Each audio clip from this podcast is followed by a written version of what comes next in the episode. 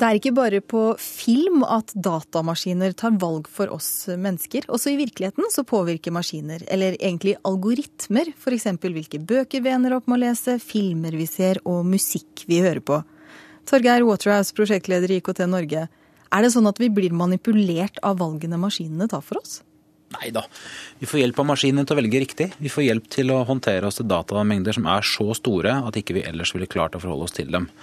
Og Du kan godt si at eh, der hvor en nettbokhandler i dag eh, foreslår ting for deg, basert på at du ser på en eller annen bok eller har lest en bok eller kjøpt en bok, og sier ok, kanskje du bør lese disse bøkene her, det er bare maskinenes versjon av at du går inn i en bokbutikk og det er noen som jobber der som sier at ah, du bør lese denne boka eller denne boka eller denne boka.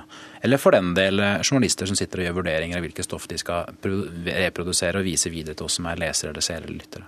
Men, men, styrer ikke da virkelighetsoppfatningen vår litt? At vi på en måte blir geleida i en eller annen retning? Jo, vi får hjelp. Vi får hjelp til å håndtere oss datamengden. Ja, det er, det er, hjelp. Selvfølgelig. altså På samme måte som en eller annen som besitter informasjon kan misbruke eller bruke den til å, til å gi oss et skeivt virkelighetsbilde, så kan også mennesker som lager algoritmer, for det er mennesker som lager algoritmer, lage de på en sånn måte at de gir bestemte resultater eller beveger oss i en bestemt, bestemt retning. Men poenget her er at Algoritmer er kort og godt oppskrifter for å, for å, bla gjennom store datamengder og løse problemer eller oppgaver. Hjelpe oss å håndtere store, store mengder. Det var godt du sa, for jeg tenkte at nå må vi snart finne ut av hva algoritmer faktisk er. Altså en oppskrift? En oppskrift. Kort og godt. Selvfølgelig så kan en lang serie med teknologer komme ropende og si at nei, det er ikke så enkelt, og det er det heller ikke. Men, men, i utgangspunktet så er det det vi snakker om. Vi har masse data, vi vet om mye, det er masse kunnskap, det er masse alternativer. Masse parametere som påvirker hvilken vei vi burde gå eller kommer til å gå. Og så lager vi da algoritmer som skal se på alt dette og beregne hva vi burde gjøre. Sånn at når vi nesten hver dag, i hvert fall de som, som gidder det, sjekker Yr f.eks. For, for å se på hvordan været skal bli, så ligger det noen algoritmer bak her som har behandlet alle værdataene som er tilgjengelige. Så blir vi manipulert? Og som ender opp med å vise oss en liten sol og fortelle oss at nå blir det fint vær, nå kan vi gå ut og bade, istedenfor en 3000-15 000 av fire sider med, med språk vi ikke skjønner.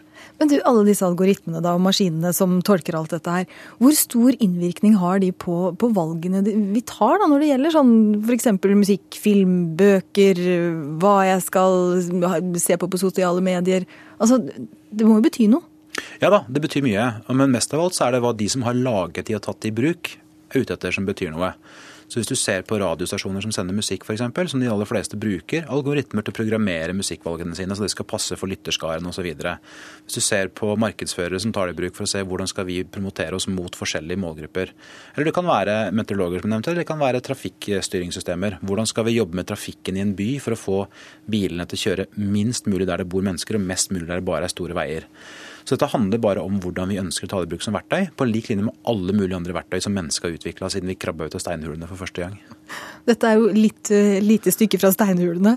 Du, Hva med sosiale medier, da? Hvordan, uh, hvordan kan algoritmene påvirke f.eks. informasjonen vi får uh, om vennene våre? På Facebook? Ja, Det brukes til å, til å bygge kall det en best mulig, best mulig flate for deg å se på.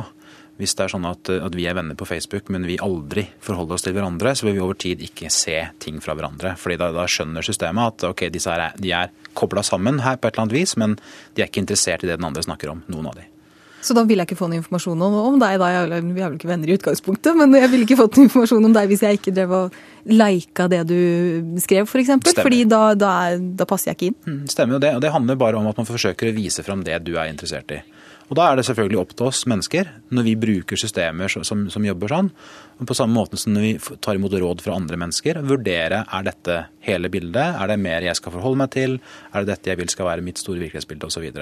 Tilbake til bokbutikken. Vi spør kanskje om råd når vi går inn i butikken, i den grad det fremdeles finnes bokbutikker, eller vi trenger å gå inn i de, men vi trenger ikke nødvendigvis å gjøre nøyaktig som de som jobber der sier. Vi tar imot rådene og så gjør vi egne valg. Sånn er det også når vi bruker resultatet i algoritmer veldig ofte. Vi tar imot rådene vi får. Noen ganger så sier vi ok, da gjør vi dette. Andre ganger så sier vi at nå skal jeg tenke meg om litt til. Ja, For det kan jo ikke være sånn at algoritmene alltid har rett? Nei da, men dette er jo ikke, det er jo ikke snakk om å ha rett eller ta feil. Det er veldig ofte snakk om å sortere gjennom store store datamengder for å komme opp med noen anbefalinger som er smarte å gå videre med. På samme måte som når vi gjør et søk i en søkemotor, så får du gjerne en treffliste med gjerne ti treff på første siden. Så, kan, så, vurderer vi de om vi skal bruke de eller gå videre, eller justere søket vårt. Men, men, disse algoritmene, da, griper de i stadig større grad inn i, i, hverdagen vår, i livene våre? Ja. På hvilken måte da? Nå har vi jo nevnt en del her, men på hvilken måte vil vi se det framover? Vi vil se det ved at eh, stadig flere systemer automatiseres, og vi tar i bruk stadig mer data, kjent kunnskap, som mennesker ikke har vært i stand til å håndtere ved hver beslutning før, for å hjelpe oss å ta gode beslutninger. Og så må vi igjen huske på det er mennesker som lager algoritmer, det er mennesker som bestemmer hvilke datatyper algoritmene skal forholde seg til. Og det er mennesker som da vurderer resultatene som kommer fram. Sånn at uh, Hvis vi ser stort på det, så kan du si at algoritmer er bare en automatisering av at vi før måtte velge mellom å bruke mye tid på å lese oss opp og tenke oss om, eller ta en beslutning uten kunnskap. Så et eller annet sted mellom der ligger algoritmene og hjelper oss å gjøre smarte, gode valg. På alle områder i samfunnet. Alle sektorer, på alle nivå. Da, da, høres det jo ut som algoritmene ikke er noe vi skal være sånn veldig skremt eh, over, i hvert fall så lenge vi bruker huet sjøl og tar egne valg. Takk skal du ha, Torgeir Waterhouse, prosjektleder i IKT Norge.